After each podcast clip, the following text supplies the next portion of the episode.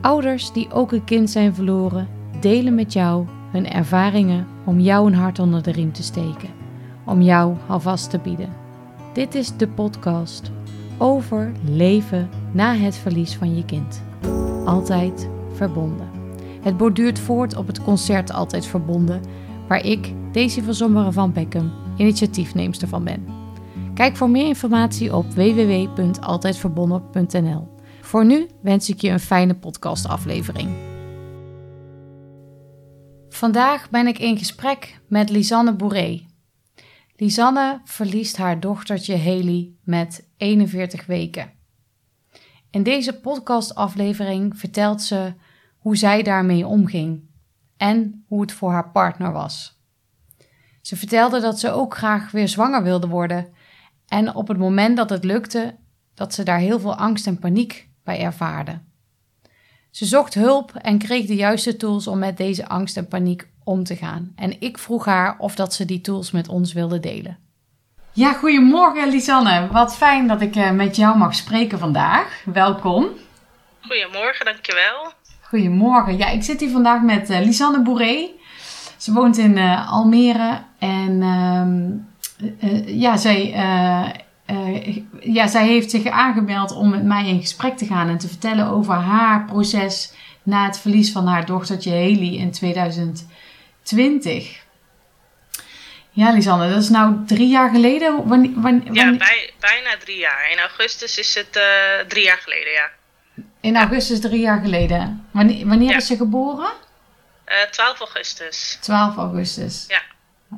En hoe, hoe was dat moment van geboorte voor jou? Um, nou, op dat moment toen het allemaal gebeurde nog heel onwerkelijk. Uh, want bij ons is het zo dat zij al overleden is in de buik, vlak voor de bevalling. Um, dus ik, ze hadden het natuurlijk in het ziekenhuis hadden ze dat verteld. En ik had zoiets van, ja, ik geloof je wel. Ik geloof dat de informatie best klopt. Maar mijn, mijn hoofd, zeg maar, mijn hart en mijn lijf, dat matchte allemaal nog niet met elkaar. Dus uh, de bevalling zelf ging naar omstandigheden, laten we het zo zeggen, natuurlijk goed. Alleen uh, op het moment dat ze echt geboren was, ja, uh, ging ik meer een soort, nou ja, rollercoaster van um, dingen regelen dan dat het nog binnenkwam. Het was in ieder geval heel stil, dat wel. Wat, wat wel meerdere ouders denk ik herkennen. Ja. Uh, maar um, het, was nog niet, het besef was er nog niet helemaal. Wat wel uh, zo was, is dat ze van tevoren vroegen ze aan mij... wil je haar op je uh, houden, zeg maar? Net zoals dat ze doen met gewoon kindjes die er natuurlijk gewoon nou ja, hè, gezond geboren worden. En toen dacht ik eerst, ja, maar ja, ik weet niet hoe ik dit vind, hoe ik dit beeld ga vinden... Uh, en toen ze er eenmaal was, toen had ik wel zoiets van... ja, eigenlijk wil ik wel graag dat ze gewoon alsnog op me ligt... en dat ik er vast kan houden. En ik merkte wel dat het toch een soort moeder kwam van... oh, ondanks dat ze overleden was... van oh, kijk toch hoe mooi mijn kind is, zeg maar. Dat, dat, dat had ik wel. Oh, ja. Wat mooi, want ja... Ik wil eigenlijk in dat moment even blijven hangen. Want ik wilde eigenlijk vragen naar dat moment van... Eh, het was voor jou heel onwerkelijk, daar begon je mee... Ja. Ja. Um, hoe, hoeveel tijd zat er tussen, tussen het moment dat jij hoorde dat ze niet meer leefde en, en dat je ging bevallen? Um, ja, niet super lang. Het was zo. Um, ik wil dat wel even uh, proberen iets uh, korter uit te leggen. Althans, ik was 41 weken zwanger. Uh, en de maandag. Ik ben op een woensdag bevallen. En de maandag daarvoor, zeg maar, toen was eigenlijk, nou ja, zover leek alles nog goed. Dus we hadden nog goede CTG, vruchtwater doen ze natuurlijk altijd om te kijken of het allemaal goed zit met zoveel weken. En ze hadden toen gezegd, nou dan gaan we morgenavond gaan we inleiden. Nou, hoe? Doodeng natuurlijk. En toen, um, ja, achteraf, maar goed, dat is achteraf gepraat dacht ik al overdag van, oh, uh, ik voelde er niet zoveel. Dus ik had op een gegeven moment ook wel gebeld. Maar je bent druk ook met, oh, je gaat er straks ontmoeten. En, uh, en toen eigenlijk die avond dat we naar het ziekenhuis gingen, dus dat was rond 7 uur, s'avonds, op de 11e. Uh, toen kregen we pas te horen dat ze overleden was. Ze konden er hartslag niet vinden. Dan gaan ze zo'n CTG natuurlijk doen om te kijken of, hoe het gaat met je kindje. En toen hadden we één eh, nou ja, vrouw die zei, oh, ze liggen wat dieper. Wat ik ook toch een beetje raar vond, zeg maar. Omdat ik dacht, de dag daarvoor was op die plek, kon je gewoon makkelijk de hartslag vinden. En ik dacht dieper, ik bedoel, hoeveel weken ben ik nou? Ja, dat is wat je allemaal denkt natuurlijk. En toen kwam er nog iemand aan. Maar volgens mij waren dat allemaal soort leerlingen. Uh, die kon het ook niet vinden. Toen zei ze, ja, dat gebeurt vaker. Maar toen dacht ik, ja, nou ja, hè, nog steeds soort van... Je, je denkt nog niet zoveel in ieder geval. Nee, en, en wat merkte je zelf? Werd je onrustiger? Um, of, of kon je het nog heel erg gelatig uh, over je heen laten komen? Ik kon het nog wel gelatig over me heen laten komen. Omdat uh, een collega van mij op mijn werk, die was toen een kindje verloren met 20 weken. Dus ergens ja, is misschien heel, uh, hoe zeg je dat, naïef. Maar ergens denk je niet meer dat zo ver weg er nog iets mis kan gaan. Niet als je het allemaal niet weet. Nu achteraf weet je dat er veel meer kan gebeuren natuurlijk, maar op dat moment niet. Dus ik dacht van, nou, ze vinden dat zo meteen wel. En toen kwam de derde. En toen keek ik wel even naar mijn man. En toen dacht ik, ik dacht wel, dit zit niet goed. Maar dat ging heel snel weer weg. En ik dacht, nou, zo meteen gaan ze toch vertellen dat alles dan goed is. En dan gaan we gewoon beginnen met, uh, uh, ja, de, de inleiding, zeg maar. Ja. Uh, op dat moment had ze gezegd, ik weet niet of zij dat was of een ander, die zei: We gaan naar, even naar het echoapparaat. Om te kijken of we dan de hartslag kunnen vinden.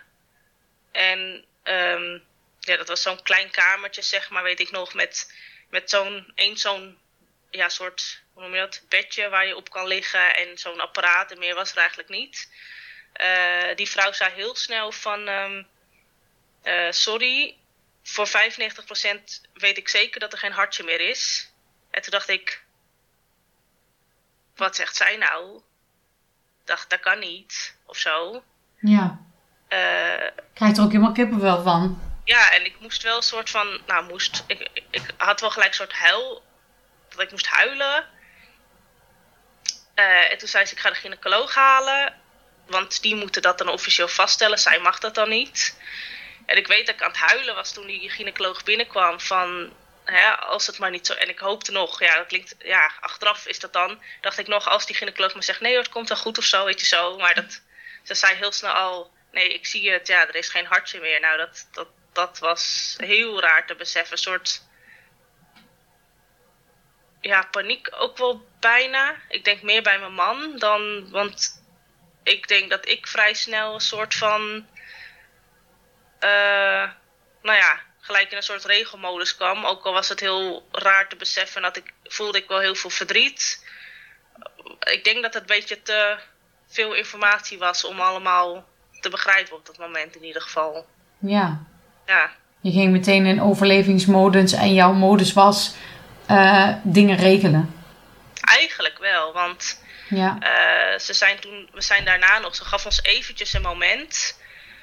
Um, en toen zijn we daarna nog naar de kamer, nou ja, ja, boven zeg maar, op de eerste of tweede etage is dat, waar we vaker controles hadden, waren we geweest. Omdat dat een ander apparaat was. Dus ze zei, dan kunnen we kijken of er nog doorbloeding is.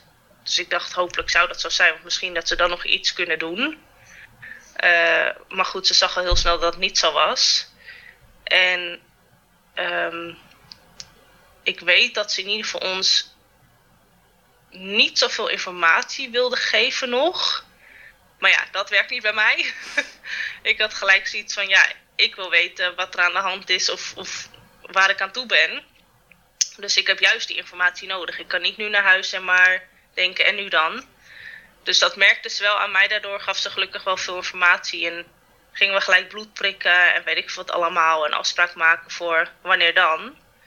Maar uiteindelijk is het die avond, of ja, begin van de nacht eigenlijk, zelf uiteindelijk begonnen. De bevalling zelf? Ja, dus ja. Dus ik denk dat dat sowieso al er waarschijnlijk aan zat te komen. Maar uh, ja. Was het uiteindelijk ook gewoon te laat, de bevalling? Of weet je dat niet? En wat bedoel je met te laat? Dat ze te lang in de buik heeft gezeten? Of was er iets anders aan de ehm, hand? Nou ja, de oorzaak weten ze niet. Althans, we hebben natuurlijk allerlei dingen laten onderzoeken. er is niks uitgekomen, dus ja, daar heb ik wel eens in het begin denk ik vooral discussies met mensen over gehad. In ieder geval moeder zei van, hadden ze er maar eerder gehaald, dan was het niet gebeurd. Nou, ergens denk ik ook wel dat als ze echt eerder geboren was, dat er echt niks aan de hand was geweest. Dat, dat, dat gevoel heb ik ook wel. Maar ja, daar kan je natuurlijk achteraf niet. Uh, nee, heb je geen invloed meer op. Nee. Maar dat is wel wat ik denk, omdat ze eigenlijk zeiden van ja, het is een soort van pech. En zie het maar als een soort um, wiegedood, maar dan in de buik. Omdat ze er gewoon geen oorzaak voor hebben. Alles, alles was goed en in de hele zwangerschap was ook alles met haar goed. Dus ja, dan moet er of echt dat laatste moment misschien toch iets bij haar gebeurd zijn. We hebben niet, uh, uh, hoe zeg je dat? Nou ja. Obductie? Ja, dat hebben we niet laten doen. De rest wel allemaal. Dat, dat vond ik gewoon te naar. Uh, maar ja, daar is niks uitgekomen. Dus, dus voor mijn gevoel, stel het zou een week eerder zijn geweest, of anderhalf, toen was ze nog ook wel veel actiever. Ja, dat, dat er dan niks geweest was, nee. Ja. Klote man. Ja. Ja. Hey, en je vertelde over jouw partner, die was in, in paniek. Uh, die, die had een andere overlevingsmodus. In de zin van eigenlijk een soort van bevriezen, niet weten wat hij moest doen? Of wat moest ik me daarbij voorstellen? Um, nou, waarschijnlijk vindt hij het niet leuk als ik dit vertel. Oh, maar, we kunnen het ook uh, overslaan. Het wat hij moest doen was uh, ja, spugen door de stress, spanning. Sowieso waren we allebei natuurlijk heel zenuwachtig al omdat het eindelijk ging gebeuren. maar dat was bij hem heel erg. Het, het uitte gelijk lichamelijk. Nee, voor mij is het soms in sommige stresssituaties of spanningen kan het bij mij ook wel zo'n reactie op, op, op, hoe zeg je dat? Nou ja, opkomen. Maar op dat moment, uh, nee, ging ik in de, ik heb informatie nodig en regel en uh, het besef was nog bij mij niet binnen. Ik weet niet, ik denk bij hem dat misschien iets meer besef was, denk ik nou ja, ja dat, dat idee heb ik dan. Maar verder was hij wel gelijk heel lief al voor me. Want hmm. uh, hij heeft op een gegeven moment maar. Je wilde toch je ouders bellen. Omdat hij natuurlijk wist dat we voor inleiding zouden gaan. Dus toen hebben we. Uh, nou ja, ik weet niet. Ik, ik kon het niet aan. Ik moest gewoon huilen terwijl mijn moeder probeerde te bellen. Dus ik zei: Doe jij het maar. Dus hij heeft het wel gedaan. Vond ik achteraf wel een beetje sneu ook. Dat hij dat dan moest doen. Ja, voor de rest weet ik niet wat er echt bij hem heel eerlijk gebeurde. Omdat je zo in je eigen baas zit op dat moment. Ik weet wel het moment van de bevalling. Omdat het s'nachts natuurlijk begon, had ik amper geslapen. Uh, en toen gingen we s ochtends vroeg naar het ziekenhuis. Ik heb hem wel een paar keer, weet ik, horen huilen. Op zich is dat goed, want hij is nooit zo goed in zijn emoties uiten. Dus dat heb ik wel gehoord in... Maar zijn moeder was uiteindelijk en mijn moeder ook. Dus, dus hij, ja, hij kon af en toe wel even weg of even het laten gaan dat, dat heeft hij wel gedaan, ja. En voor de rest uh, ja, was ik zo in mijn soort van bubbel dat ik uh, ja, op mijn manier ermee bezig was. Ja, en je moest natuurlijk gewoon ook bevallen. Ja. Ja, dat is uh, natuurlijk al sowieso een hele lichamelijke heftige gebeurtenis ook. In een heftige gebeurtenis bevallen ja. is sowieso al heft, pittig. Ja, voor sommige mensen niet. Maar voor jou was hele jouw eerste ja. Wat was Haley voor jullie? Uh, nou, toevallig hebben we het daar ook over gehad, want we zijn pas in maart getrouwd dit jaar. En uh, door de ambtenaar werd dat ook gevraagd: van wat was ze voor, voor jullie?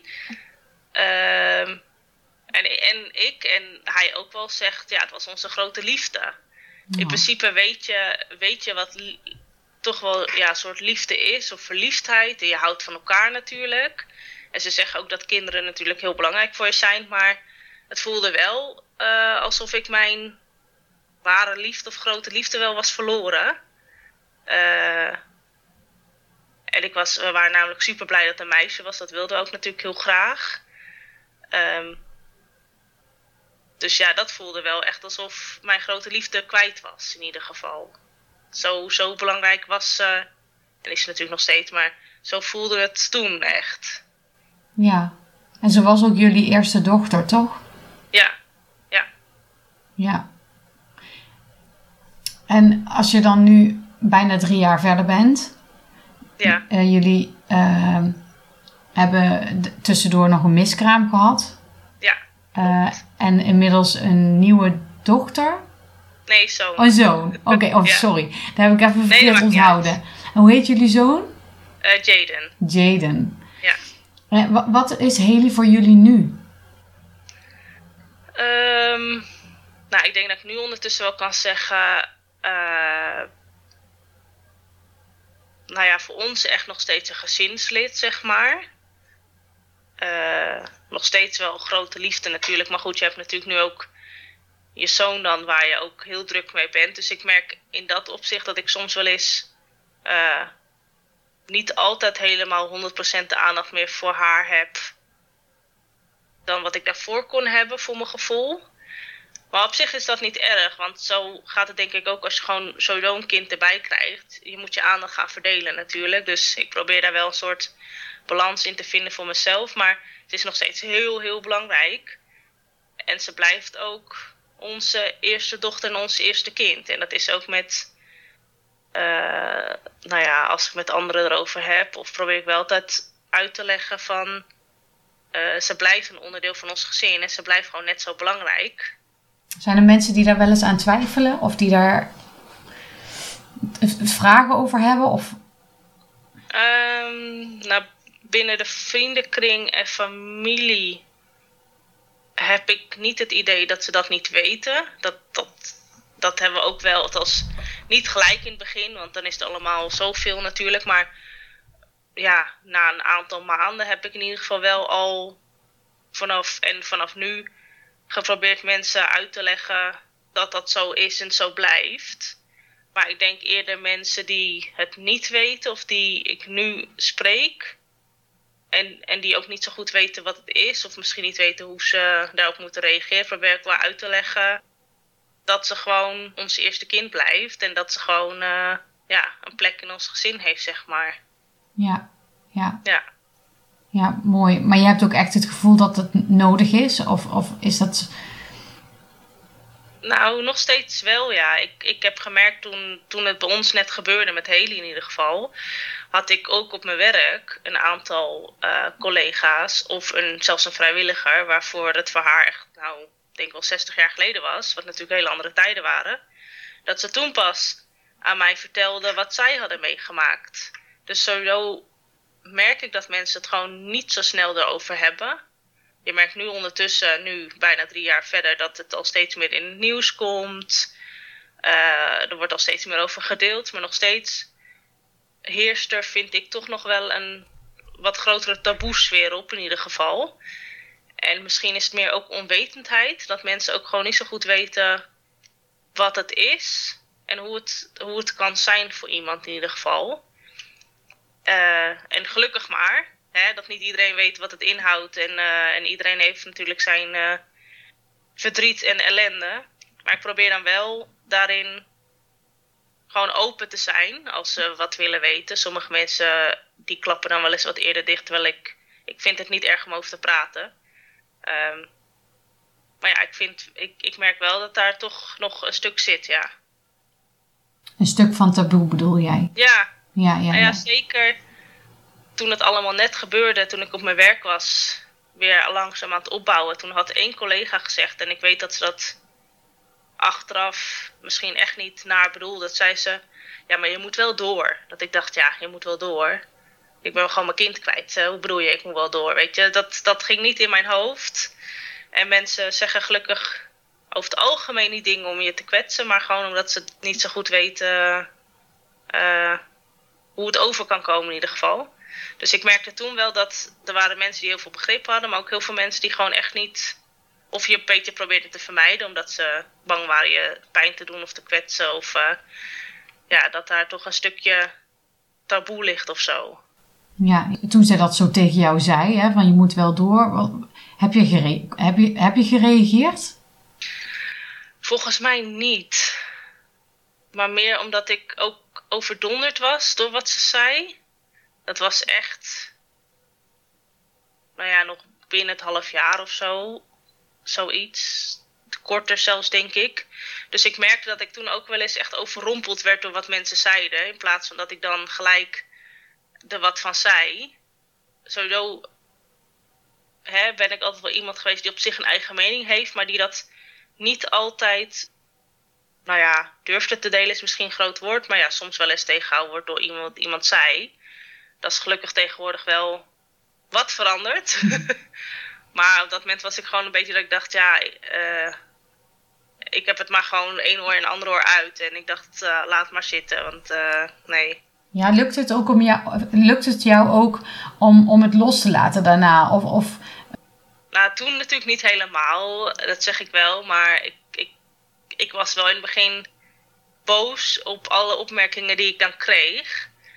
Nu kan ik dat veel makkelijker. Want ook uh, heb ik het met mijn moeder of met mijn ouders er nog regelmatig over. Uh, en die zeggen wel eens, ja, maar je moet ook heel voorzichtig zijn wat je zo tegen iemand zegt. Ik zeg, ja, maar je, je weet toch dat je gewoon wel, in principe als het goed is, alles kan zeggen. Uh, ligt, tuurlijk moet je een beetje opletten hoe je soms dingen brengt, maar ik kan het nu, nu zou ik makkelijker kunnen denken, één oor en ander oor uit, omdat ik weet over het algemeen dat mensen het echt niet zo bedoelen. Maar op dat moment was ik wel, uh, ja, toch een beetje ondaan van of uh, boos op die opmerking. Ja, ja, ja, oké. Okay. Heb je het later nog met die collega erover kunnen hebben of heb je het gewoon helemaal gelaten? Nee, dat niet. Ik zat er wel over na te denken toen, maar ik heb het niet meer gedaan. Nee, nee. Ja, want ik kan me zo voorstellen dat je, dat je je ook niet gehoord en gezien voelt in je verdriet op dat moment. Hè? Ja. Van je moet wel door. Wat, wat bedoel je daar nou eigenlijk mee? Ja. Is het dan zo dat ik nu niet doorga dan? En, en hoe zou ik dan door moeten gaan volgens jou? Uh, Wat ik dus blijkbaar niet laat zien. Want anders maak je zo'n opmerking niet. Um, en ik vraag me soms ook wel eens af, uh, Lisanne, ik weet niet hoe jij uh, dat ziet, dat, uh, dat mensen soms ook gewoon heel erg geraakt worden door jouw verhaal of door mijn ja. verhaal. En, en, en, en dat ze daar ook misschien helemaal niet zo goed mee om weten te gaan. Hoe, hoe, zie, hoe zie jij dat?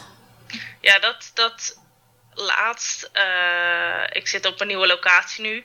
Laatst bij mijn eigen team, zeg maar, mijn directe team. Ik dacht dat iedereen dat wist. Kennelijk dus niet. Dus ik had daar wel iets over laten vallen. En uh, één collega zei ook wel gelijk: Oh, oh sorry, oh wat, wat heftig of wat zwaar, zoiets zei of zo. Ik weet het niet meer precies.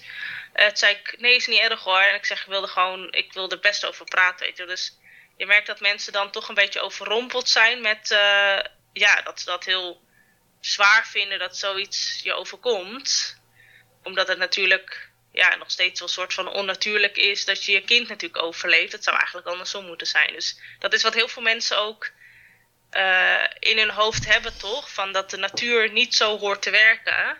Dat het niet hoort te zijn dat je een kind verliest. Dus, dus dan zijn ze wel eens overrompeld en dan zeggen ze snel oh sorry. Maar dan zeg ik, nee, dat geeft helemaal niet. Want nou ja, ik was, ik was op die of waar ik nu dan werk, was ik ook zwanger van Jaden. Dus sommigen die zeiden ook, uh, uh, oh ja, dan ga je straks voor het eerst allemaal dit en dit ontdekken. En, of sommigen vragen dan, is dit je eerste? Dus ik ben daar wel redelijk open over geweest dat ik gewoon zei van nee, dit is de tweede en zo zit het met de eerste. Dus gelukkig weten nu veel meer mensen dat daar ook en dat is ook alweer fijn. Want dat was, ze wisten het allemaal eerst nog niet. Maar sommigen zeiden dan gelijk, oh sorry, oh wat stom van mij dat ik dan zoiets over zeg. En dan zeg ik, nee joh, dat, dat is helemaal niet erg. Maar dan, dan weten ze even niet zo goed hoe ze daarop moeten reageren of, of mee om moeten gaan. Ja. Maar ik probeer ze altijd een beetje toch gerust te stellen. Uh, dat ze zich niet ineens schuldig voelen of zo. Omdat ze daar, ja, ik weet niet of, of ik dat dan eigenlijk moet doen. Maar dat voelt dan gewoon zo. Omdat, omdat je ziet dat mensen dan gelijk denken: oh, wat heb ik gezegd?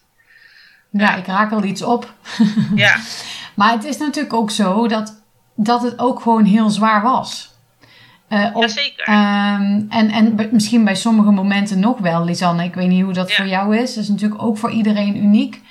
Um, want ik, ik zie soms wel eens de ene uitschieten en de andere uitschieten. In de zin van, uh, ik vond het vrij heftig om te horen in het begin dat het, uh, uh, dat het elk jaar alleen maar erger wordt. En toen dacht ik, nou, het kan bijna niet erger dan dit, want ik kan amper ademhalen voor mijn gevoel. Mm. Zo, zo zwaar en heftig ervaarde ik het in het begin. Hoe was dat voor jou in het begin?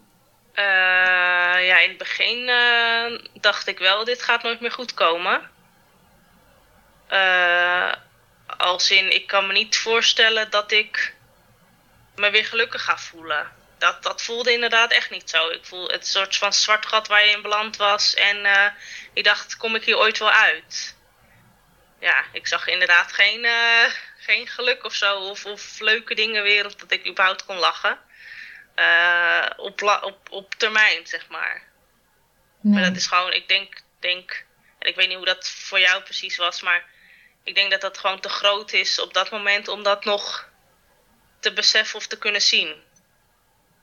Ja, ik herken dat wel heel erg, ja. Ja. ja. Maar ik hoor jou nu ook vertellen, uh, het is oké in de zin van, ik kan, ik kan, ik, ik heb ermee leren leven. Of ik, leer, ik, heb, ik, ik heb geleerd hoe ik Ik heb het even vertaald in mijn, uh, in mijn woorden. en als ik het niet goed zeg, dan moet je me alsjeblieft corrigeren. Maar ik hoor jou dus op een bepaalde manier ook zeggen van... Als iemand zegt, oh wat erg en wat, wat heftig en wat zwaar. Van ja, maar het is oké en ik kan erover praten. En, en graag zelfs, misschien wel. Um, dat het nu niet meer zo voelt als toen. Nee, nee, ja, ergens gelukkig zeker niet. Uh, daar heb ik ook al wat voor moeten doen natuurlijk. Wat heb je daarvoor gedaan? Um, nou, zelf uh, heb ik na ongeveer, denk inderdaad drie maanden of zo, zoiets, had ik eerst hulp gezocht bij een praktijkondersteuner, omdat het me toch allemaal te veel werd, merkte ik. Ook meer omdat ik dacht, en wat ik veel meer ouders hoor zeggen, uh, is dit normaal? Rouw ik normaal, zeg maar? Uh, um, gaat dat wel goed? Dat had ik zelf ook een beetje van. Uh, voor mijn gevoel liep ik vast. Maar ja, volgens haar was het allemaal heel normaal wat er gebeurde en hoe ik ermee omging. En ik heb wel geprobeerd te kijken wat goed is voor mij in ieder geval. Ik heb eerder ooit hulp gehad, zeg maar, om andere redenen. Maar dan leer je jezelf wel wat sneller kennen. Dus ik weet, uh, ja, is misschien niet het beste voorbeeld, maar uh, in het begin had de bedrijfsarts die we hadden had gezegd, ja, maar ja, je moet ook je werk gaan opbouwen, want zus en zo. Nou, toen dacht ik, oh, wat doe je nou? Help, dit gaat allemaal niet. Toen was ik wel echt in stress en paniek. En toen ben ik wel naar mijn manager gaan en, en die zag van, nou, dat gaat gewoon niet. En toen uh, heeft ze me gelukkig daarin veel meer lucht gegeven, dus dat scheelt. En ik heb, uh, um, wat was het, een half jaar later? Nee, wel drie kwart jaar later. Nou ja, of zoiets. Toen heb ik uh, nog weer hulp gehad. Als in, ik ben naar rouwretraite geweest. Dat was echt super fijn. Oh ja? Toevallig ga ik, ja, toevallig ga ik die mensen uh, deze vrijdag weer zien. Gaan we weer uit eten met elkaar. Oh. Maar dat waren uh, allemaal uh, mensen met wel ander verlies, zeg maar. Dus het was niet specifiek op baby's. Maar we waren een heel weekend. Waren we, ik weet even niet meer waar. Maar in ieder geval in een huis van iemand. Echt in de groene omgeving. er werd voor je gekookt. ontbijt, lunch, diner. Alles werd voor je gedaan. En um, aan de andere kant, degene die ons begeleiden uh, zij deed dan oefeningen met je of leerde je een stukje over rouw. Of ja, daar, daar ging je van alles mee doen een heel weekend lang. Dus aan de ene kant was het, je werd toch een beetje soort van deels gepamperd. Want ja, je mocht daar gewoon zijn hoe je er was. En uh, je kon ook eventueel nog yoga doen door uh, dat soort dingetjes allemaal. En er werd heel goed voor je gekookt en gezorgd. Maar je ging ook met je rouw aan de slag en dat hielp heel erg om toch weer wat tools te hebben, dat ik weer wat verder kon. En tegelijkertijd op dat moment was ik ook met een coach bezig. Wel die zich voornamelijk op trauma's specialiseert uh, in de zwangerschap of rondom nou ja, de bevalling. Maar het was ook omdat ik merkte, en in principe merkte ik dat gelijk al, maar goed, dat toch die wens zeg maar, van hopelijk weer toch een kindje mogen krijgen of een nieuwe zwangerschap, dat die toch weer wat meer voorbij kwam. Uh, en het idee dat ik dan opnieuw moest bevallen of dat soort dingen. Uh, daar voelde ik heel veel wrijving bij mezelf. Dat ik dacht, oeh, daar moet ik echt niet aan denken. Daar wil ik ook echt niet aan denken. Dus toen dacht ik, ik moet daar toch nog wat mee. Want daar zit dus nog een stuk. Dus zo heb ik eigenlijk, ben ik met haar ook aan de slag gegaan. Ja, voor de rest ja, wat goed dat je dus bij, je merk, bij jezelf opmerkt van... hé, hey, daar schuurt nog iets, daar zit iets Ja, waar ik niet naartoe durf of wil. Ehm, ja, waar, waar, dus, ik- waar je dus nog mee aan de slag moet. Ja, ja, en dat heb je gedaan. En, en, en ja, ja, je, je bent ook opnieuw zwanger geworden. Toen ging het verdorie weer mis, Mis, ja. in een miskraam. Wat deed dat met jou? Ehm, ja, dat was toch wel op dat moment heel heftig. En ook minder heftig tegelijk. Ik moet zeggen dat ik af en toe het nog steeds een ingewikkeld ja, stukje vind van wat er allemaal gebeurd is afgelopen jaar. Omdat de ene vrouw eh, er veel meer bij stilstaat als bij de ander. Maar ik weet wel dat toen ik zwanger werd, van de miskraam in ieder geval, ik echt enorm in paniek was ook. Dat ik dacht, oh, dit, wil ik dat eigenlijk wel al nu? Het was, het was ook gelijk de eerste keer dat we weer probeerden, was het ook zo. Dus ik dacht, oeh, wat gebeurt er eigenlijk? Dat had ik niet verwacht. Ehm, maar toen met die miskraam, eh, ja, het voelde wel weer alsof ik weer gefaald had of zo. Omdat je natuurlijk al je kind verloren bent. Het voelde alsof mijn lichaam weer gefaald had. Van zie je nou wel, het gaat dus weer niet goed. En eh, komt dit dan? En dan denk je helemaal, komt het überhaupt nog wel een keer goed? Ja. Maar gelukkig had ik op dat moment wel ook die coach waar ik al mee bezig was. Ehm, en eh, ehm, ik heb wel het idee dat ik daardoor veel meer begreep hoe vrouwen zich kunnen voelen die een miskraam meemaken. Omdat je mag het niet, maar in het begin ga je toch een beetje elkaars verdriet vergelijken. Terwijl in principe heeft iedereen evenveel verdriet om verliezen. Heb ik ondertussen ook geleerd. Ehm, maar ik kon nooit zo goed begrijpen, wat bij mij was dan met zeven weken, dus nog vrij vroeg zeg maar. eh, begrijpen dat je zo verdrietig erom kon zijn. Maar ja, dat, dat is ook weer iets wat ik daaruit geleerd heb of zo. Maar het was wel heel, op dat moment heel heftig, want eh, toen we te horen kregen dat het dus toch mis was, was een week voordat Haley eh, een jaar zou zijn. Dus ik had ook nog last van, nou ja, ja, de bloedingen. Misschien is dat een beetje te vies om te zeggen.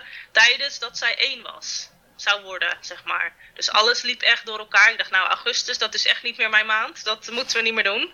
Dus het was allemaal wel heel veel. Ja, ja, ik kan me voorstellen. En wanneer is Jaden geboren? En 2 november vorig jaar, 2022. Twee no- oh, Oké, 2 november 2022. Hoe- Hoe was het uiteindelijk gegaan? Eh, eh, was de paniek helemaal weg door alles wat je gedaan hebt? Kon je heel ontspannen de bevalling ingaan? Of hoe, hoe- Nou, Hoe was nee, het? zeker niet. ik, ik moet zeggen, ehm, wat ik met die coach daarvoor gedaan had, omdat toevallig liep ik twee maanden, drie maanden bij haar toen ik dan zwanger was van die miskraam, had ze me wel tools gegeven. Ehm, het was wel zo dat toen ik zwanger werd van hem, eigenlijk was het zo, dat moet ik toch even erbij vertellen. eh, het lukte maar telkens niet wat lukte gevoel, niet? zwanger worden, zeg Oh. maar. Ja, En toen dacht ik, nou nu stoppen we dan maar. Ehm, want ik had weer een negatieve test. En toen dacht ik, het moet even klaar zijn. Er is zoveel gebeurd, weet je, het is even klaar. Eh, en toen ineens een week later bleek ik toch wel zwanger te zijn. Dus dat was ook, ja, dat was ook heel bijzonder. Oh, wat, wat een mindfuck. Ja, Ja. ook. Want je denkt, nou, dan stoppen we er maar even mee. Dat was mijn beslissing in ieder geval. Ik moet even eerst aan mezelf werken, lichamelijk in ieder geval.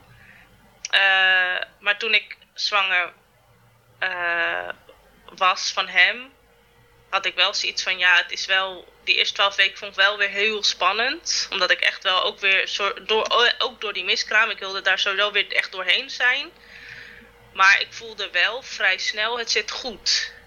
Deze zwangerschap zit goed. Hoe voelde je dat dan? Wat, wat voelde je dan? Ja, dat weet ik niet. Het is, ik, in ieder geval had ik niet die paniek die ik gelijk had toen met die miskraam. Ik was natuurlijk echt extreem in paniek. eh, ja, toen ik toen zwanger werd. Eh, maar goed, nu waren we ook weer wat verder en, en met alle tools.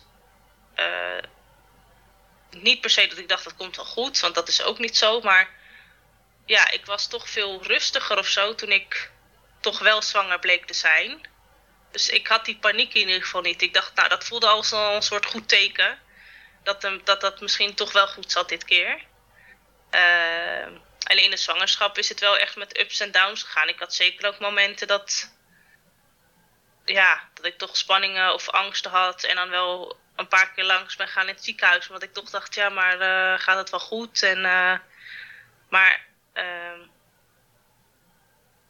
ja, het, is, het is, was niet een, uh, hoe zeg je dat? Onbevangen zwangerschap nee. of zo. Nee. Maar het was wel. Uh, en er waren zeker momenten dat, dat de angst weer even overnam. Maar ik had ook. in de zwangerschap hadden we een doula op een gegeven moment. Die, oh, ja? die, is ook, ja, die was ook coach. Omdat ik wel zoiets had van. Ik durf niet met mijn man alleen die bevalling in te gaan. Ik was gewoon bang dat dat niet goed zou gaan. Niet dat wij dat niet kunnen, maar gewoon dat alle angst en alles van tevoren toch te veel naar boven kwam. Dus zij heeft ook wel. Ze is drie keer bij ons thuis geweest. Echt volgens mij zelfs twee uur lang of zo. Heeft ze echt coachgesprek met ons gehad van. Uh, wat kan je doen als je die angst voelt? Uh, waar komt het dan vandaan? Nou ja, echt van alles. En ik, ik ben uiteindelijk met rond 38 weken ingeleid. En ik moet zeggen, tot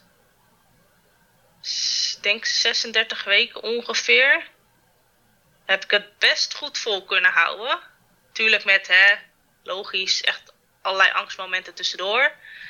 Maar dat ik dacht, nou, ik ga straks met verlof en ik zal wel uh, gelijk met heel veel stress thuis zitten. En dat viel me dus wel mee. Dus ik heb wel het idee dat, dat die doula en nou ja, de tools die ze me gaf, dat die wel geholpen hadden door toch iets meer rust uh, te daarin te krijgen. Ja.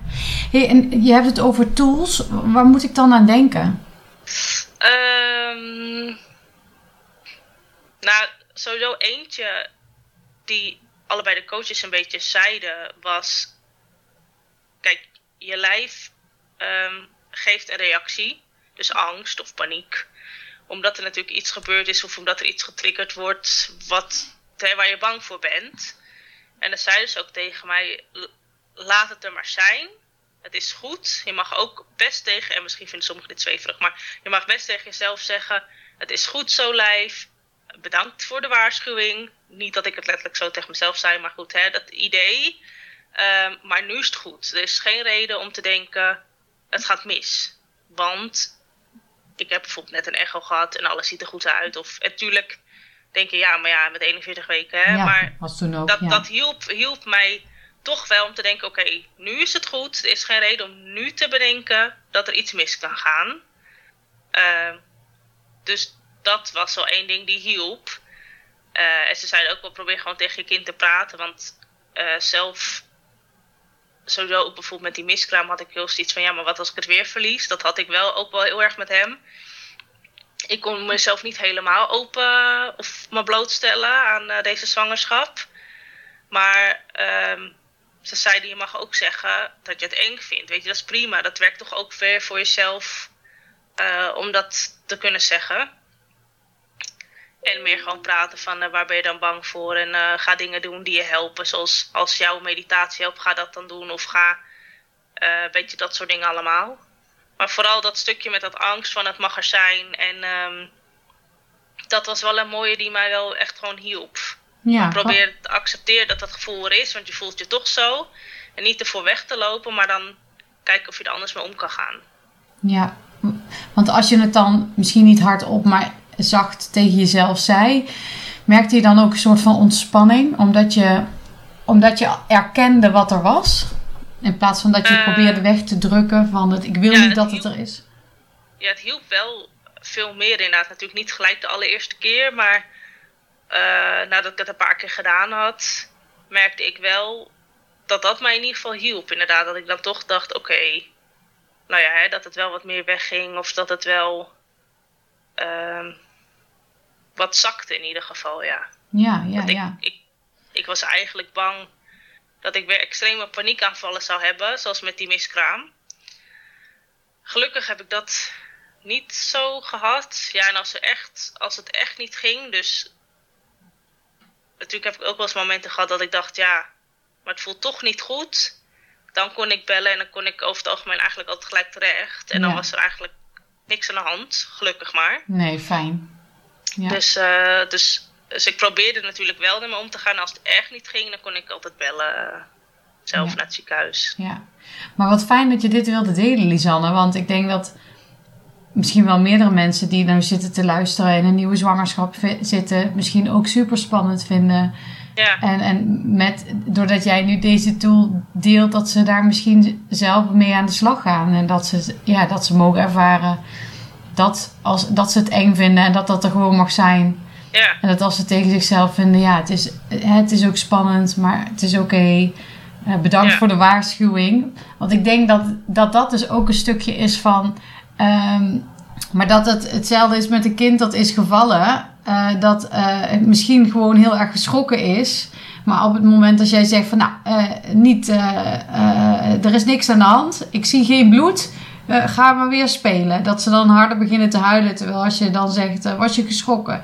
Dat ze dan dat toe mogen laten. Ja. En zeggen ja mama. En oké, tranen weg doen ze dan uit zichzelf en ze gaan weer verder spelen, omdat het stukje wat, wat het triggert in het lijf uh, wordt gezien en gehoord. Ja, de emotie wordt erkend inderdaad, of erkend in ieder geval. En, ja. Uh, ik merkte ook wel daarvoor, als je dan, wat ik dan graag zelf wilde, het weg willen hebben, ja, dat, dat werkt vaak averechts, want dan wordt het vaak alleen maar meer. Dus ja, ja dan, dan ga je helemaal verstijven. Dus, dus het toch meer toelaten en dan weten het is oké ja, dat, dat kan in ieder geval heel erg helpen, ja. Ja, ja dus nou fijn dat je het wilde delen, Lisan. Ja. Ja, want je hebt zelf ook, uh, in, jij, jij zit al in de zorg, jij zat al in, in de zorg. Ja. Uh, je hebt ook besloten om, om nu ook voor andere ouders iets te betekenen als rouwcoach. Toch? Ja. Wil, wil je daar iets over vertellen? Waarom ben je die keuze gaan maken? Waarom Um, nou, eigenlijk is het zo dat mijn hele leven al, daarom zit ik ook in de zorg, ik toch mensen interessant vond op wat er in, in dat hoofd gebeurt. Of überhaupt vaak een soort van nature klaar stond voor vriendinnen om mij heen, zeg maar, die dingen meemaakten. Dat merkte ik wel al.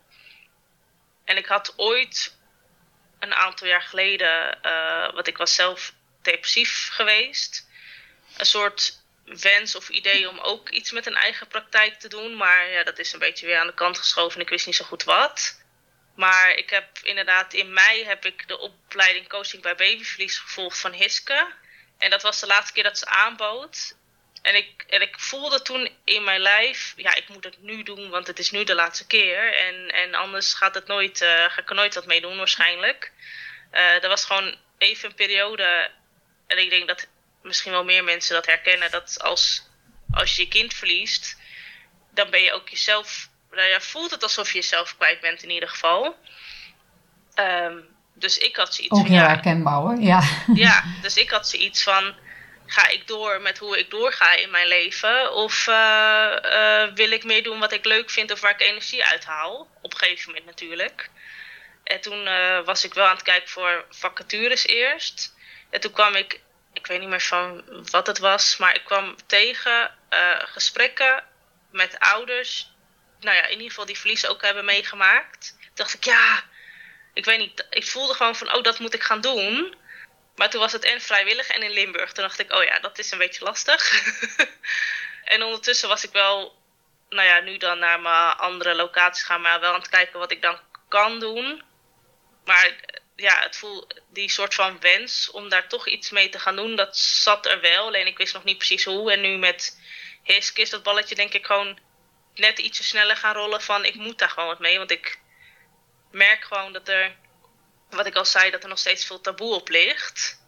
Uh, maar ook toen dit bij ons zelf gebeurde, er zijn echt wel mensen die er natuurlijk wat mee doen of die uh, begeleiding bieden.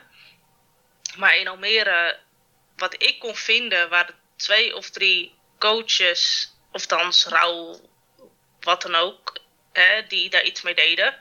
Maar niet op het gebied van echt ervaring van, oh, ik heb ook een kindje verloren. Want het voelde bij mij uh, niet zo als dat ze mij echt zouden kunnen begrijpen op het moment dat ik daar naartoe ging. omdat dat toch in principe is rouw een soort hè, redelijk gelijk aan elkaar. Maar ja, het, was, het is wel een heel ander soort verlies. Dus daarom dacht ik, ja, ik wil in ieder geval zorgen dat er meer is hier. Of dat ik meer voor anderen kan doen daarin. Ja. Ik merkte gewoon dat ik het niet kon vinden. Ja. En dat ik dat zelf gemist heb. Ja, en ik hoor jou dus ook zeggen dat je eigenlijk na het verlies van Haley en nadat je eigenlijk door die eerste heftige rouwreis bent gegaan, dat je ook op zoek eh, wilde naar iets waar jij gelukkig van werd. Of in ieder geval waar je energie van krijgt. Ja. Uh, Ja. En dat, dat het goed moet voelen voor jou uh, in wat je doet. Een soort van zingeving wordt het ook wel eens genoemd. ook zo Ja, lekker. zeker, ja. Kan ook als zweverig worden opgepakt, maar eh, het komt door het woord zingeving, denk ik zelf. Ehm, maar eh, in principe gaat het er gewoon om dat je natuurlijk iets doet waar je energie van krijgt, waar je blij van wordt, in plaats van dat je leeg wordt getrokken. Ehm, en voor jou is dit dat dus. Nou ja, dat hoop ik in ieder geval wel. Eh, dat is wel waar ik toen echt soort van kriebels van kreeg. Van, oh, dit wil ik. Dus ik ben inderdaad nu, eh, het staat nog in de kinderschoenen, maar ik ben bezig om te kijken of ik nou, in ieder geval hè, met mijn eigen praktijk eh, op, de, op kan zetten in ieder geval.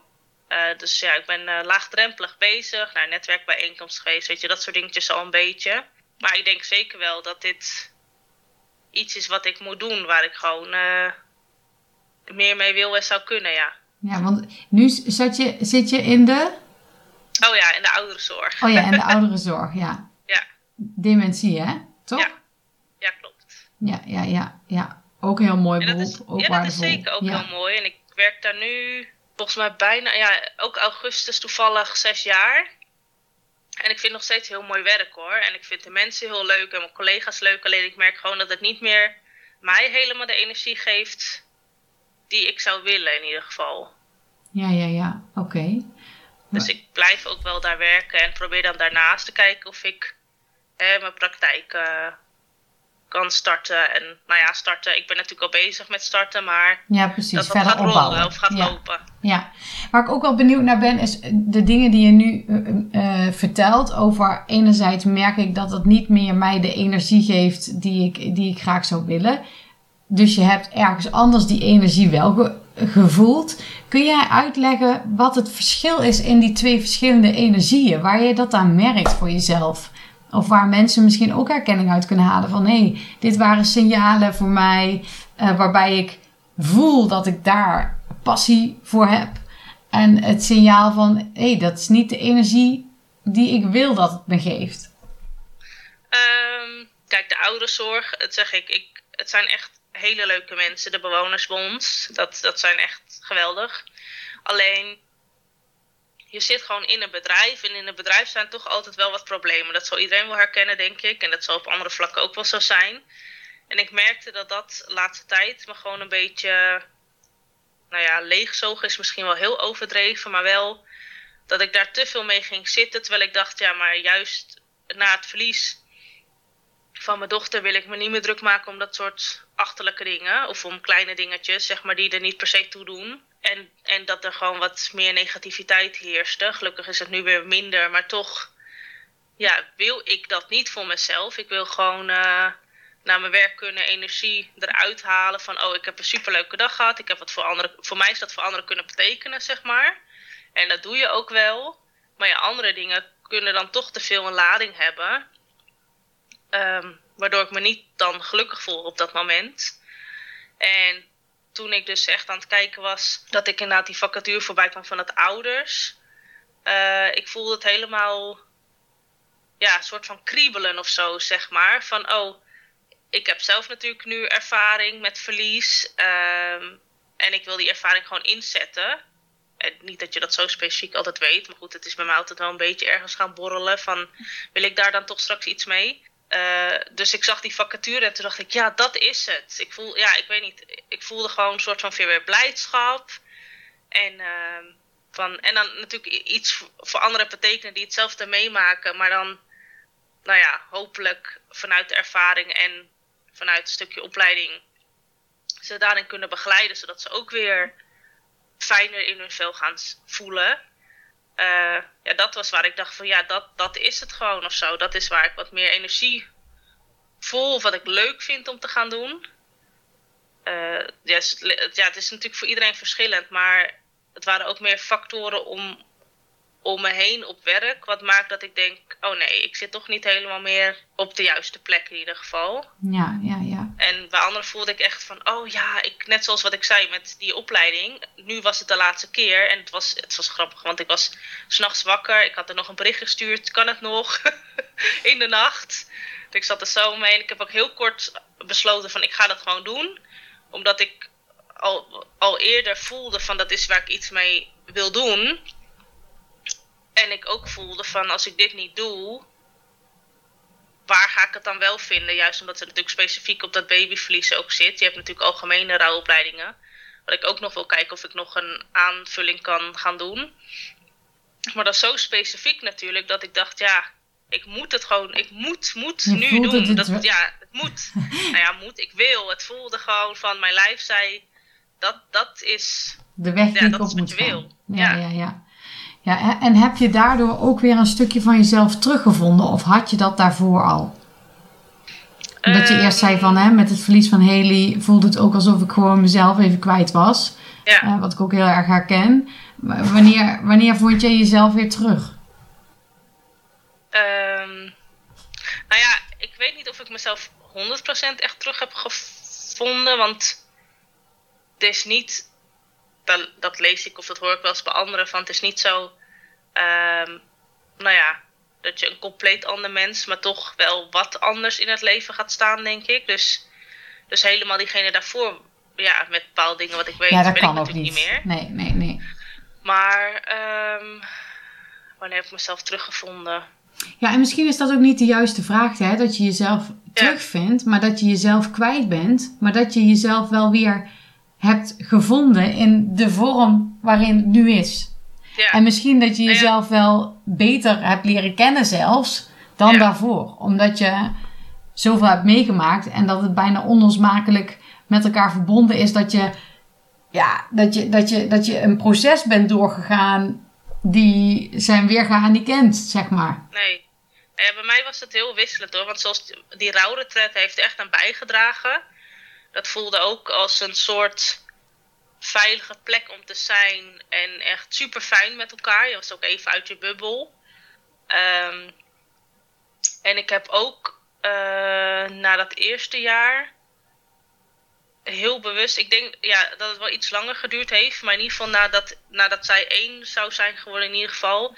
Had ik ook elke maand een massage of, of, of een behandeling, zeg maar. Omdat ik dat eigenlijk heel lekker vind, maar nooit doe. En toen dacht ik, ja, waarom doe ik dat eigenlijk niet? Want dat geeft mij gewoon weer energie. En dat kan helpen om, om weer even stress kwijt te raken en dat soort dingen. Dus toen ben ik echt met dat soort stapjes begonnen.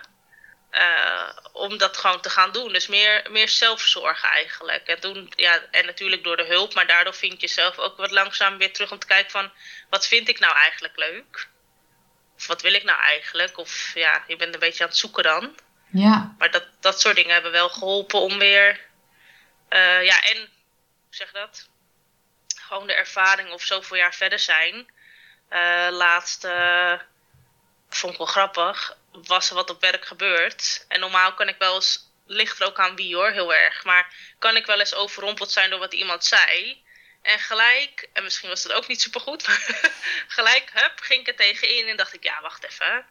Eh, zo denk ik ervan. En toen dacht ik, ik was wel heel trots op mezelf. Want misschien was het niet helemaal de exacte aanpak. Maar ik dacht wel, ja, ik laat niet meer zo met me zollen. En eh, ja, dat, dat merk ik ook wel. Dat ik daarin meer veranderd ben. Toch meer voor mijn eigen mening proberen op te komen. Ja, eigenlijk klinkt het ook wel alsof je meer in je eigen kracht bent eh, ge- gekomen. Meer zelfvertrouwen hebt gekregen. Omdat je eigenlijk ehm, liever be- bent geworden voor jezelf. Omdat Ja. je beter voor jezelf bent gaan zorgen. In, in de vorm van massages. In de vorm van eh retretes. In de vorm van een coach zoeken. En, en, en voelen wat jij nu nodig hebt. Ja. Ja, Maar dat is het denk ik ook, want ehm, het is heel zwaar wat er natuurlijk gebeurd is. Ehm, maar daardoor heb ik wel beseft van, eh, op zich hoe ik daarvoor bezig was. En dat ook niet zo zwaar, maar wel dat ik dacht, ja, dat is ook niet helemaal de manier. Want je gaat maar door met je leven, dat vond ik zelf dan. Eh, en, en je gaat naar je werk, dan kom je weer thuis. Nou, hè, dan was het misschien niet zo'n leuke dag, bla bla bla, van alles. Of, of je blijft een beetje hangen in maar het gezeur misschien van het moment. Terwijl ik daardoor wel meer besef van ik moet doen wat ik zelf leuk vind. Want leven is kort genoeg. Of althans is al te kort. Ja, want dat is wel een soort van extra eye-opener. Ook al weet je dat misschien wel. Maar wel van ik dacht... Uh, ik, ja, zo doorgaan... Uh, dan ben ik misschien tien jaar verder. En dan doe ik misschien nog niet uh, wat ik eigenlijk echt wil. Of waar ik happy van word. Ja, ja, precies. Mooi, Lisanne. Hey, en ik had eigenlijk ook nog een aanvullende vraag. even los van uh, dit. Ik vroeg natuurlijk straks al van, goh, wat, wat is uh, Haley nu, nu voor jullie? Um, ze is natuurlijk nog steeds jullie oudste dochter, je grootste liefde ehm, en, en, en deel van jullie gezin op haar manier. Hoe betrekken jullie haar in het gezin? Um, nou ja, wij hebben er gecremeerd. Dus sowieso staat ze thuis in een urn, zeg maar. Um, dus ja, eigenlijk zeggen we de standaard. Ik moet wel zeggen, als ik even naar mezelf kijk. Door de drukte met die kleine doe ik dat niet 100% meer altijd even goed. Maar mijn man in ieder geval wel heel erg. Zeggen we er altijd een soort van standaard goeiemorgen. En wel trusten. Mijn man heeft zelf dat hij net nog veel meer tegen haar praat. Nou ja, dat is waar ik het net niet helemaal uh, zelf in zoek of vind. Iedereen heeft daar zijn eigen manier natuurlijk ook in, hè? Ja, eigen manier. Maar in ieder geval wel goedemorgen en wel trusten. Er brandt eigenlijk ook altijd een kaarsje voor haar. Eigenlijk dag en nacht. Nou, niet nacht. In ieder geval dag en avond. Elke dag wel. Als die kleine dan wakker is, dan steken we wel samen het kaarsje aan. Of dan zeg ik, goedemorgen Haley. met hem dan van, hè, dit is je zus. Dus ik probeer toch wel een beetje al te betrekken. Um, en met bepaalde dagen sowieso. Uh, sta ik wel extra bij de stil of probeer ik wat voor haar te doen, zeg maar. Dus met Vaderdag bijvoorbeeld, voor mijn man had ik toch, um, ja, dit geen, cadeautje echt vanuit haar, maar wel op de kaart ook een stuk tekst waarvan mijn gevoel is hoe zij wel over hem zou denken.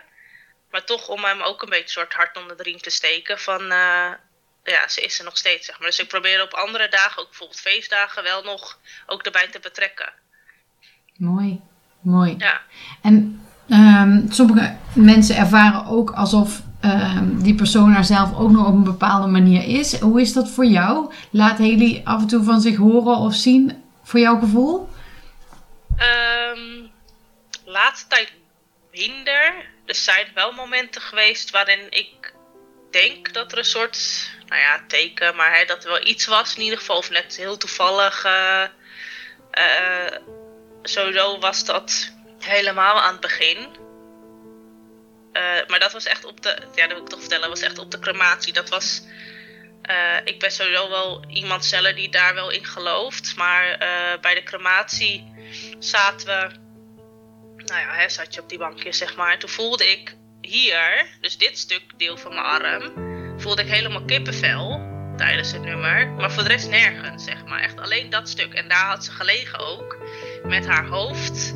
Toen ik er vast had gehouden, zeg maar. Dus ja, het voelde een soort van bijna van, uh, ja, maar echt alleen dit stukje. Dus niet alles, maar echt alleen. Het was ook niet dat het koud was daar. Dus voor mijn gevoel was dat toch iets. En toen uh, had mijn uh, stiefmoeder had haar weggebracht voor ons. Die was erbij geweest, zeg maar. Dat wilde ik graag. Dus ze hadden toen een vlinder op het mandje gelegd. En toen s'avonds, maar goed, dat is hoe ik de link dus allemaal leg. S'avonds was er ineens ook zo'n grote nachtvlinder binnen. Wat normaal nooit binnen is gekomen, maar ook echt diezelfde dag. Dat ik gelijk dacht, oh, we moeten... Mijn man zei nog, eh, maak het dood. Nou, ik had een hele andere gedachte natuurlijk, dus ik was heel kwaad. Maar ik had zoiets van, nee, misschien is hij dat wel, weet je. Een soort laatste groet. Uh, ja, en voor de rest... Uh, zijn voor mij soms vlinders wel wat meer een symbool. Dus ja, er zijn wel momenten geweest waar ik dan toevallig gewoon een vlinder voorbij zag komen terwijl ik de andere dacht. We hebben ook een boom in een luierpark waar dan op dat moment net een vlinder vloog. Ook niet altijd hoor, maar wel dat ik ineens denk, hé. Hey. En um, Ehm, maar ook wel eens dat ik iets zat te kijken op tv. Eh, en dat, dat dan toevallig een nummer voorbij kwam. Dat was wel meer aan het begin ook. Die wij ook gebruikt hebben. Dus ja, weet je, ja. Wat is dat nummer? dingen- Ehm, nou, we hadden één nummer van. Ja. Die film Intouchable, die heeft zo'n pianostuk.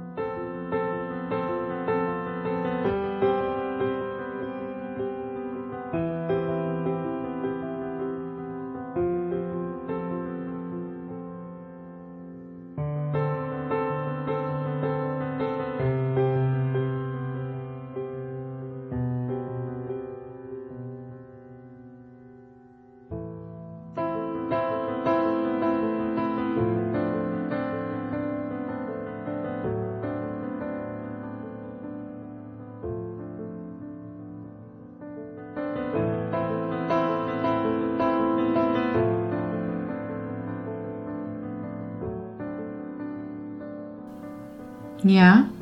Ehm, nou ja, die hebben we ook gebruikt tijdens eh, de uitvaart in ieder geval. En dat die was het hoorde ik moment van de kippenvel. Wat zei je? En dat was het moment van de kippenvel op dat stukje. Oh nee, daar niet. Nee, dat was een lied toevallig van mijn man, waar ik eigenlijk niet zoveel mee had. Maar wel wat ik. eh, ja, die had eh, Stairway to Heaven volgens mij gekozen, dacht ik. Dat van Eric Clapton. Tears in Heaven. Oh ja, dat bedoel ik, ja, sorry. Eh, nee, daar voelde ik dat eigenlijk. Terwijl, eh, terwijl ik niks met dat nummer had, inderdaad. Maar ik voelde dat ineens heel erg. Ja, maar voor de rest, ehm, ja, niet altijd heel duidelijk. Soms heb ik ook wel eens periode gehad dat ik dacht, hé, laat eens toch nog wat van je horen. Ben je er nou nog wel? Maar dan is het toch weer op een gegeven moment weer wat meer soort van verbinding of zo. Of eh, voor mijn gevoel. Maar ja, weet niet. Ik zou dat wel wat meer willen, maar ja, is dat waar je dan naar zoekt? Of, of dat, dat weet ik nog niet altijd. Nee, nee, nee, nee. Ja, en, en, want je zegt wel, ik voel wel een soort van verbinding.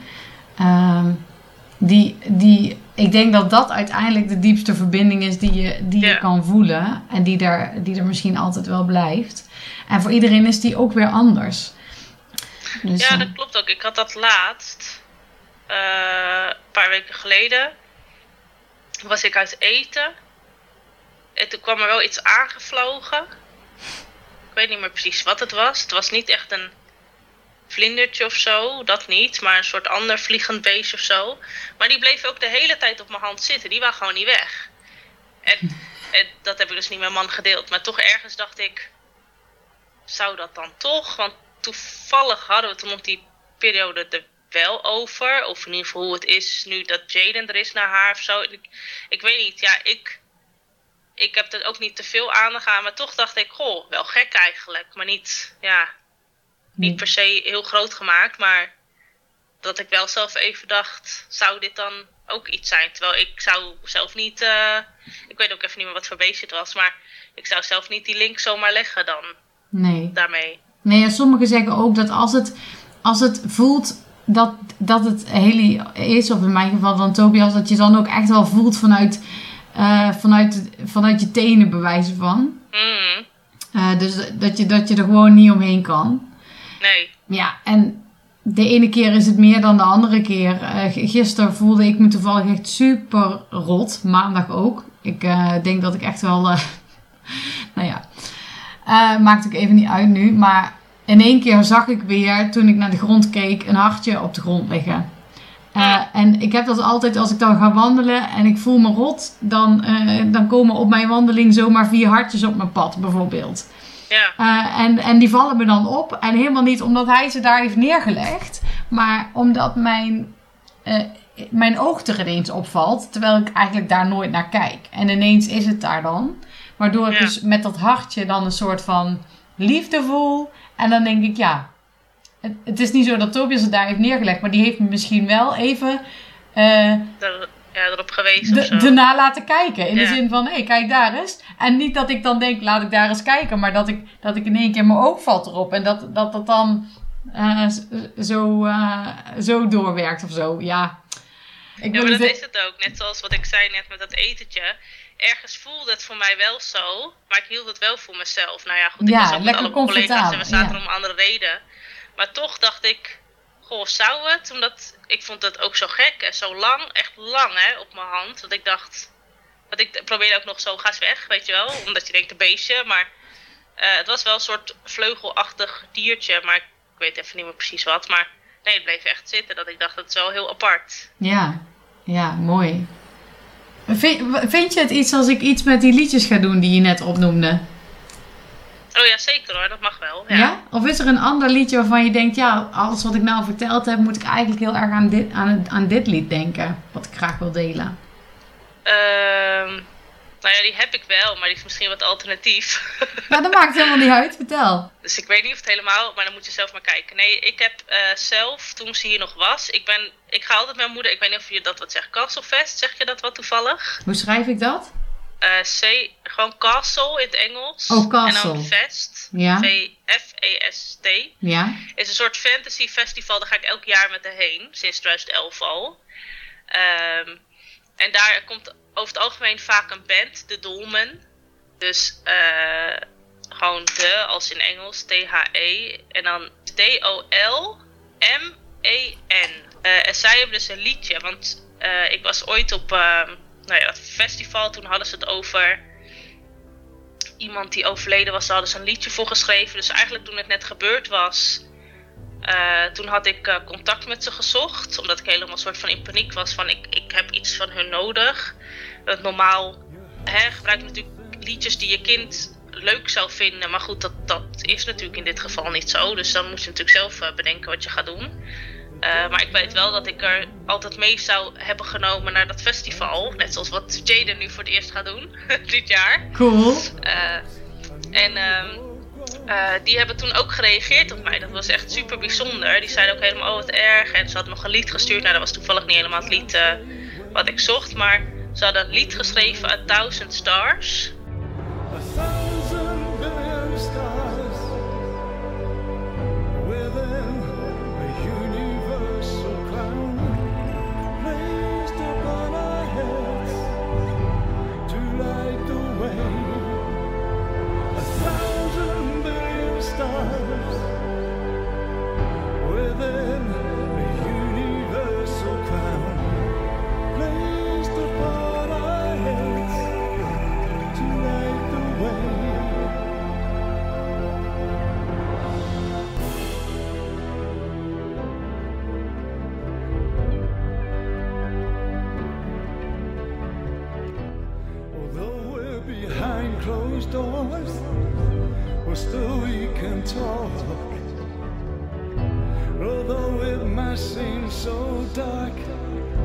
Well, the light never ceases to shine from heavens above unto the hell on the ground.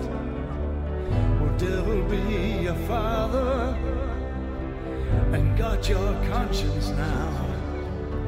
A thousand billion stars within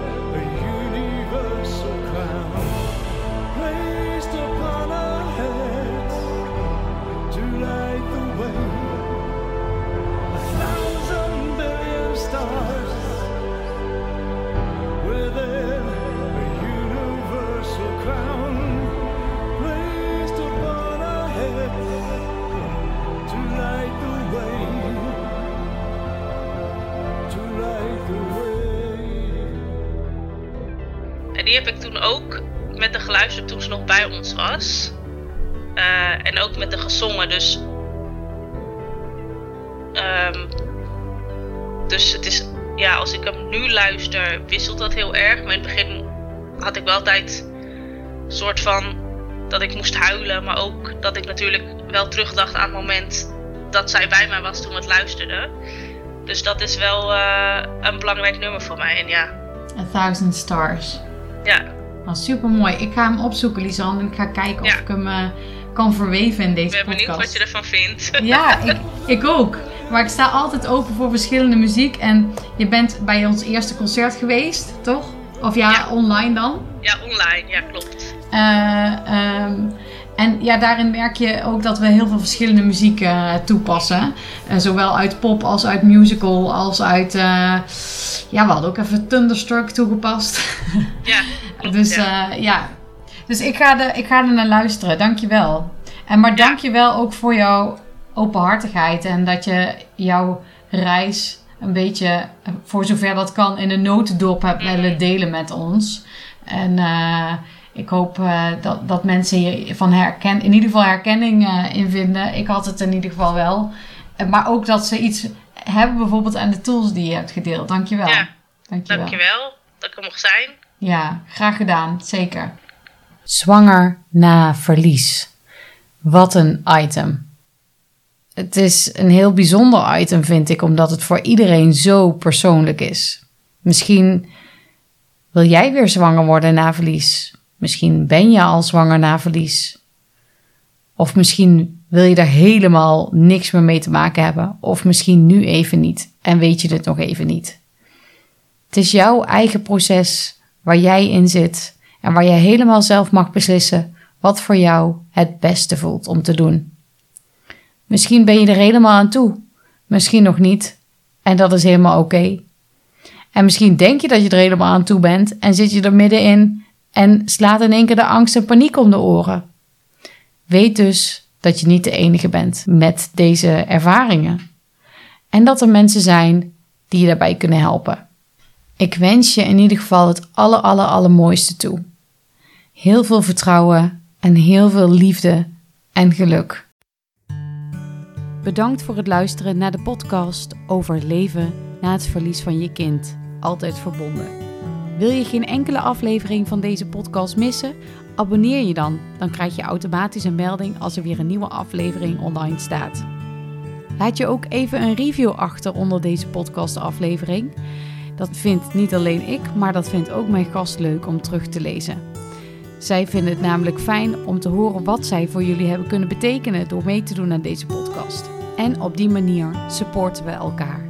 Altijd verbonden met elkaar. Wil je ook meedoen aan de podcastaflevering? Stuur dan een mail naar altijdverbonden.outlook.com. Voor meer informatie over onze concerten en deze podcast, kijk op www.altijdverbonden.nl.